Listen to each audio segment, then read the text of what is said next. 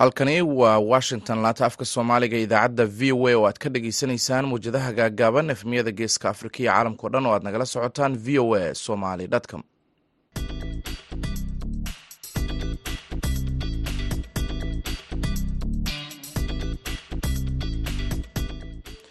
Duhur wanaagsan dhegeystayaal waa isniin.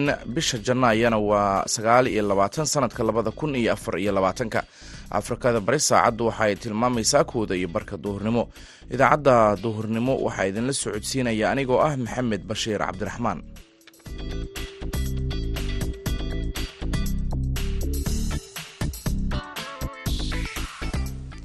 Qodobada dhegeystayaal aad idaacaddeenna ku maqli doontaan waxaa ka mid a tartanka maamul goboleedyada soomaaliya iyo gobolka banaadir oo ciyaartiisii kama dambaysta ahayd maanta la ciyaari doono odeynaa meesha ku nimaanay mafahanti hirshabeelna dee dhibca la soo aruuriya meesha ku timid mafahanti dhagaxii la tuuraba saddex dhibcee ku helaysay annagana waa arkaysay guruubyada ilaa fiinaalka awooddeena ku nimaanay haddaa la isxaqideen awoodda cayaartooy iyo macalimiinta hirshabeelle oo ah macalimiin dhallinyara oo firfircoon khibradna u leh.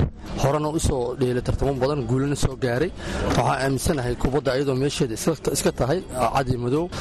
Nasiibkuna waa iska meeshiisa marka waxaa aaminsanahay kubaddu ay nasiibtaa balse hirshabelle waxaad kaloo maqli doontaan dhallinyarada iyo sida ay uga faa'iidaystaan isticmaalka aaladaha casriga ee taleefanadu ay ka mid yihiin iyo qodobo kale balse marka hore waxaad ku soo dhowaataan warkii caalamka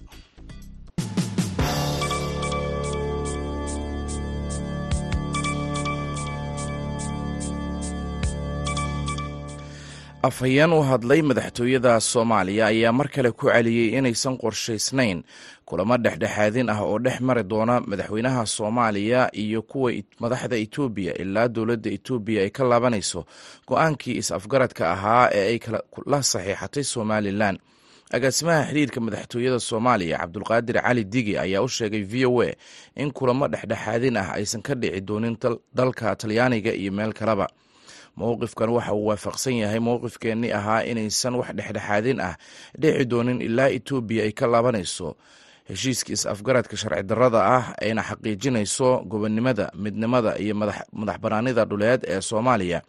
Ayuu cabdiqaadir cali dige ku sheegay qoraal uu soo diray v o a.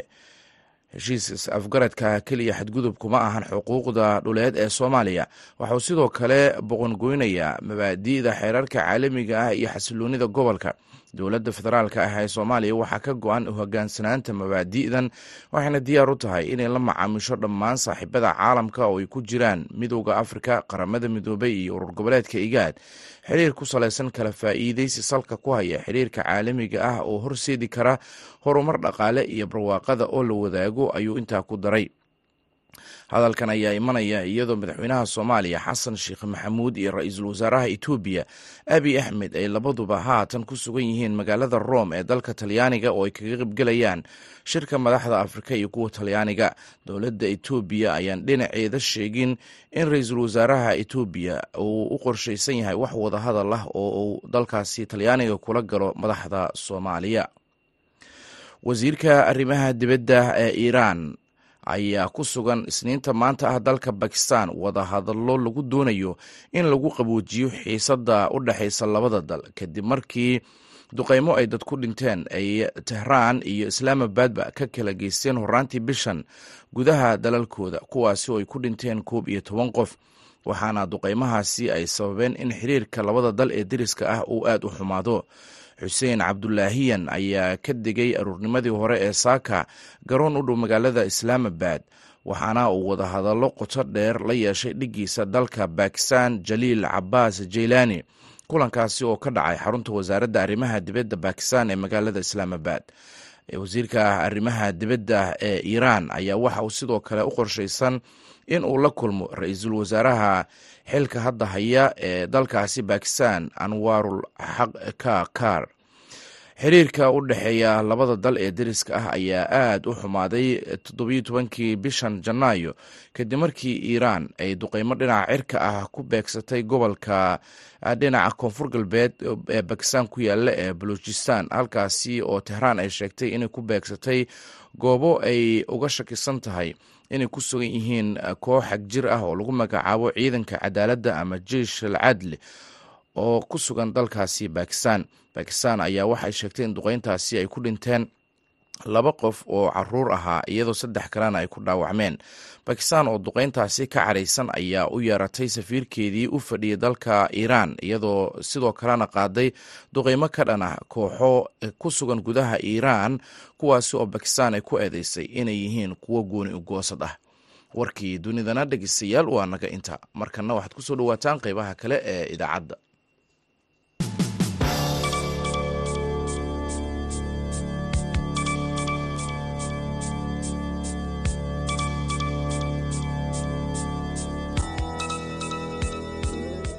halka dhegeystayaal wararkaasi aad kala socotaan. Waa laanta afka soomaaliga ee v o a oo si toosa idinkaga imaaneysa washington. Magaalada muqdisho galabta waxaa lagu soo gebagabeynayaa tartanka maamul goboleedyada iyo gobolka banaadir oo ay ciyaarta kama dambeyska ah wada ciyaarayaan maamul goboleedyada hirshabelle iyo galmudug. Ciyaartan ayaa dhaqdhaqaaqeeda iyo xamaasadeeda laga dareemayaa muqdisho dhowrkii cisho ee la soo dhaafay. Amniga ayaana si weyn loo adkeeyey. Wariyaha v o a mahad cali xidir ayaa warbixintan ku eegaya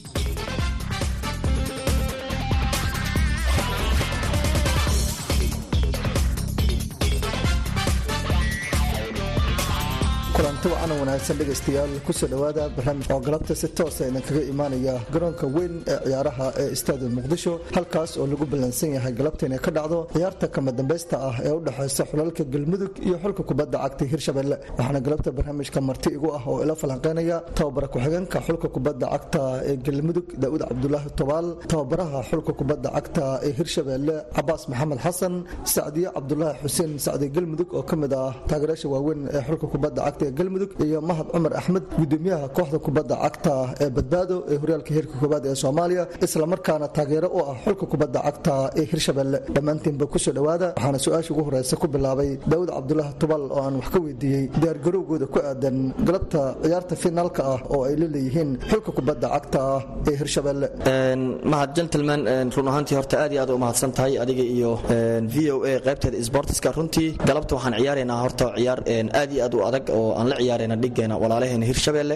runtii waa ciyaar aan la dhegaysan karin. Wayna u soo diyaargarowday xulka galmudug. Waana rajaynaynaa koobka inaan sanadkan maadaama sannadkii hore fiinalka nagula guulaystay inaan sanadkan annaga aan qaadi doono insha allah galmudug horta waxay kaashanaysaa taageerayaal aad iyo aad u fara badan oo aad iyo aad u asluubaysan oo aad iyo aad u akhlaaq badan.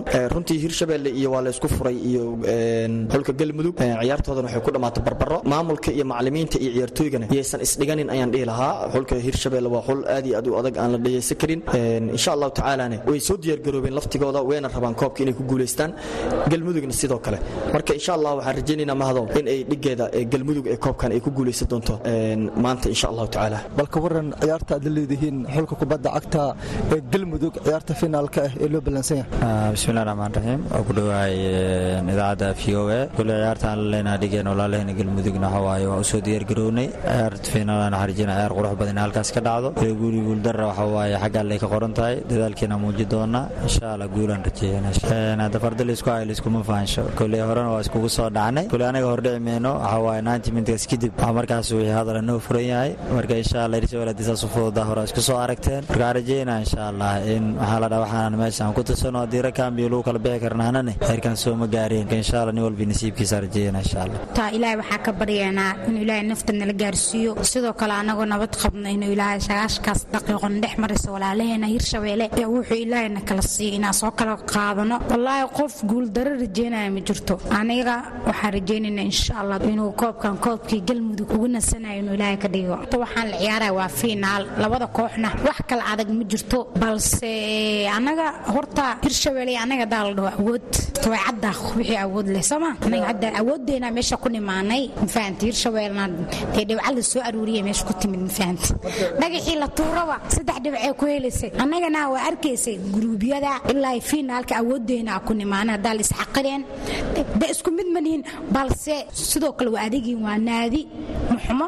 Annagana muxumin dee sagaashkaas daqiiqadood bisaan dhex marayso sagaashankaas waxa kala helnaa leena waxaa ku saadaalinaa ciyaarta inkastoo ay fiinaalta horta qofka biniaadanka lama xaqiro waxaa kula ciyaaraya waa koox waxayna taagantaha fiinaal sooma horta ma yaraysanayno anaga daa hirshabeelnaan hirshabeel ma yaraysanayno hala u ogolnahay labii halay ku dhammaan insha allah mahad umar axmed ciyaaraha maamul goboleedyada minbilow ilaa dhammaad waa la socotay xulalka siday u ciyaareen ilaa haatan ugu dambeyntii waxaa fiinaalka iskugu yimid xulalka hirshabeelle iyo xulka kubadda cagta ee galmudug. Bal ciyaartaas haddii aad faahfaahin ka bixiso iyo ciyaarta fiinaalka siday u xoogeen tahay garoonka iyo magaalada muqdisho iyo dareenka guud ahaan ummadda soomaaliya bismillahi raxmaan raxiim waa mahadsantaa mahad waa ku dhowahay kulanka waa kulan weyn maadaama laba xul oo waaweyn ay dheelayaan xulka hirshabeelle iyo galmudug. Horena ay isku soo arkeen caasimadan hadda oo u diyaar garooday in kulan fiinaala oo noocan oo kale ay qabato. Finaala hore way dhici jireen laakiin kan wuu ka duwan yahay sababtoo ah kubaddiyo xamaasad leh iyo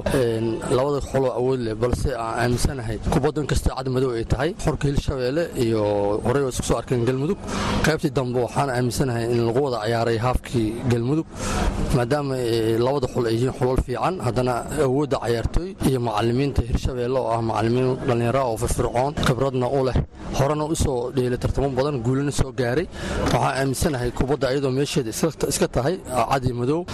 Nasiibkuna waa iska meeshiisa marka waxaan aaminsanahay kubaddu ay nasiibtaa balse hirshabeelle ay tahay jambion sanadkan. Aad iyo aad ayaad umahadsantihiin intaas ayaan ku soo gabagabeynayaa barnaamijkii faaqidaada ciyaaraha toddobaadka v o a. Oo ay galabta marti igu ahaayeen. Tababara ku-xigeenka xulka kubadda cagta ee galmudug daawud cabdulaahi tubaal tababaraha xulka kubadda cagta hirshabeelle cabaas maxamed xasan sacdiye cabdulaahi xuseen sacdiye galmudug oo ka mid ah taageerayaasha xulka kubadda cagta ee galmudug iyo mahad. Aad buu u mahadsan yahay mahad xidir oo xubintaasi ama wararkaasi ugu dambeeyay ciyaaraha nala socodsiinaya. Halkaad kala socoteenna waa laanta afka soomaaliga ee v o a. Inkastoo isticmaalka taleefanada uu muhiim u yahay isku xirka bulshada iyo fududeynta shaqooyinka ayaa haddana waxaa jira saameyn muuqata oo bulshadu ay kala kulanto. Lacagaha ugu badan ayaa bulshada soomaaliyeed uga baxa internetka iyo ku hadalka halka qiimaha taleefanadana uu kor u kacay taasoo saameyn ku yeelatay bulshada.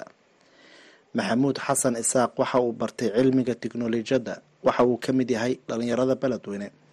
Maxamuud waxa uu ka waramayaa saameynta dhaqaale ee taleefanada casriga ay u geysteen bulshada soomaaliyeed qofka tusaale haddii uu taleefon iibsado wuxuu u baahan yahay haddii tusaale uu ciladoobo wuxuu u baahan yahay in dib markaasi dayactir loogu sameeyo. Runtii saameyn dhaqaale ayay markaasi ku leedahay.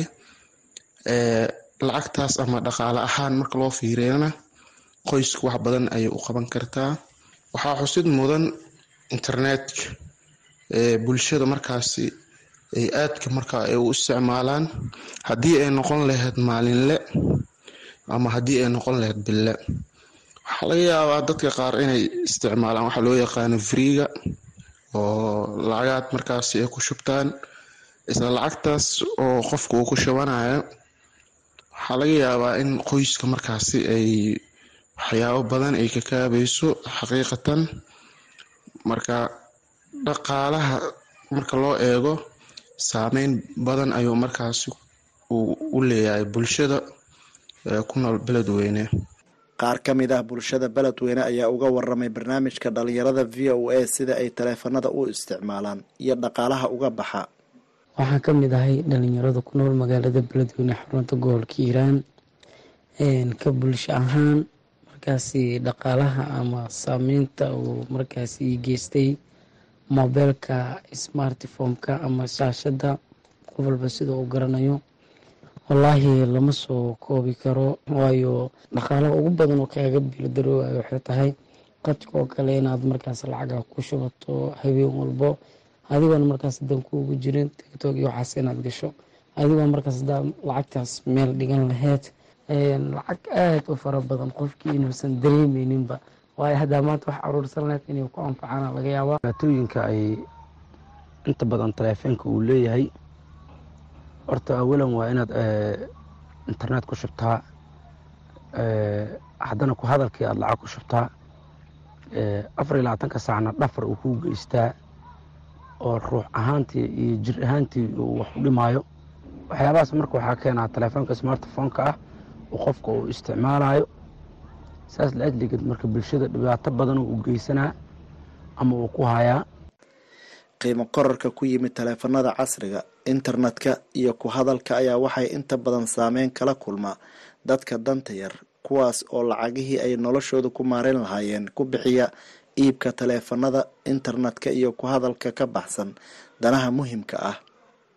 Xuseen xasan dhaqane v o a beledweyne xuseen aad u mahadsan yahay dhegeystayaal naga raalli ahaada. Warbixintaasi waxa ay ku saabsanayd dhallinyaradaasi magaalada beledweyne ee dhinaca dijitaalka aadka hadda uu isticmaala. Markana dhegeystayaal waxaan ku nasanaynaa mid ka mid ah heesaha aan idiin hayno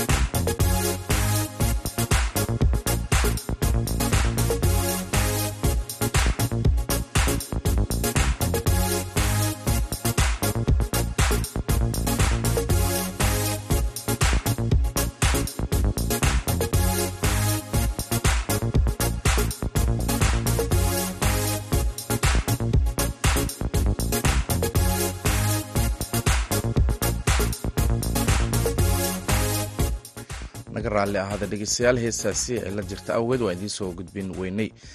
Haatana turkiya. Madaxweynaha maraykanka joe biden ayaa toddobaadkan u sheegay koongareeska maraykanka inay dhammaystirayaan iibka diyaaradaha f lix iyo toban ee turkigu ay horey ugu heshiiyeen arrinkan ayaa noqonaya tallaabo weyn oo maraykanku uu ku dhammaystirayo iibka diyaaradahaasi oo ku kacaya soddon iyo laba bilyan oo dollar. Haddaba arrinkani muxuu uga dhigan yahay turkiga muxuusa maraykanku ku ogolaaday iibka diyaaradahaasi warbixin. Arrintan ku saabsan waxaa magaalada london ka soo diray wariyaha v o a ee qaaradda yurub cabdixaafid cawil ismaaciil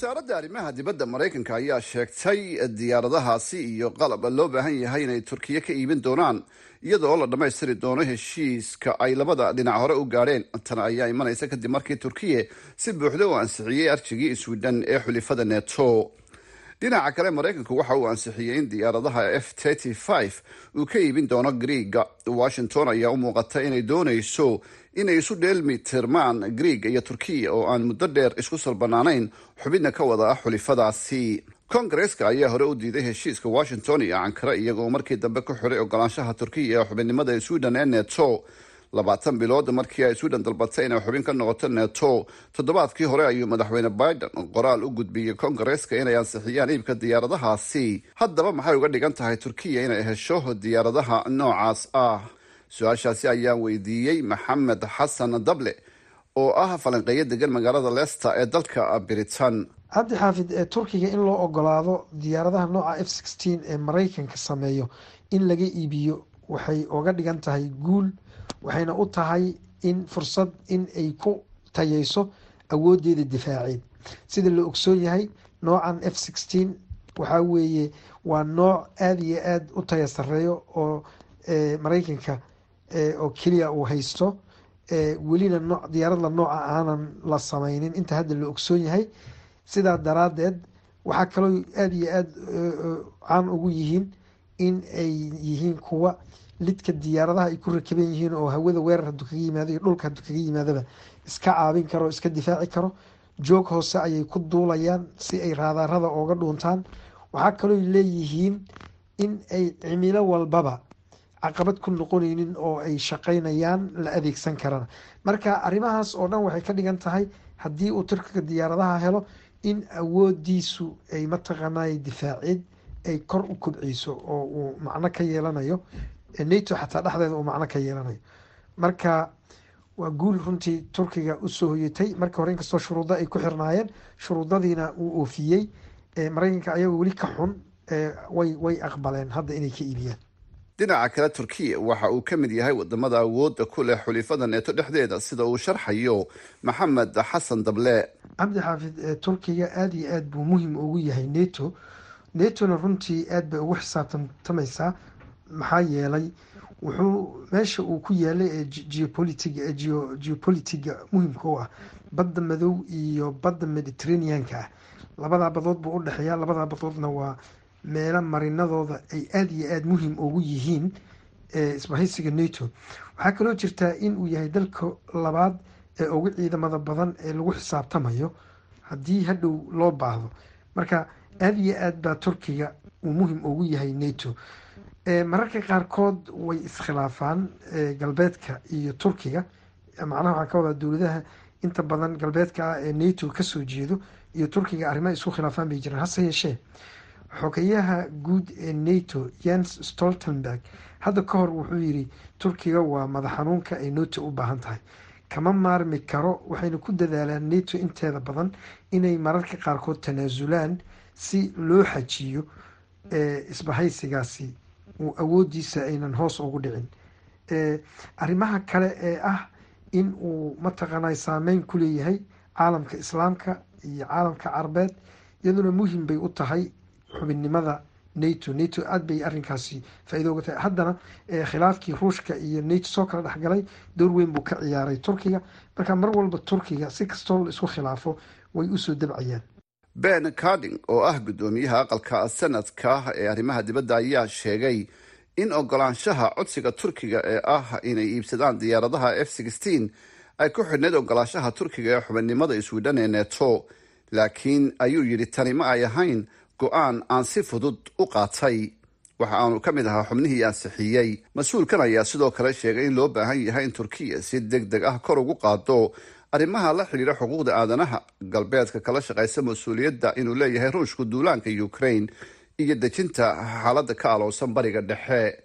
Cabdixaafid cawil ismaaciil v o a london mahadsaned cabdixaafid markana dhegeystayaal waxa aynu dib ugu laabanaynaa kaalimaha heesaha. Waxaana idiin soo qabanaynaa codka axmed raast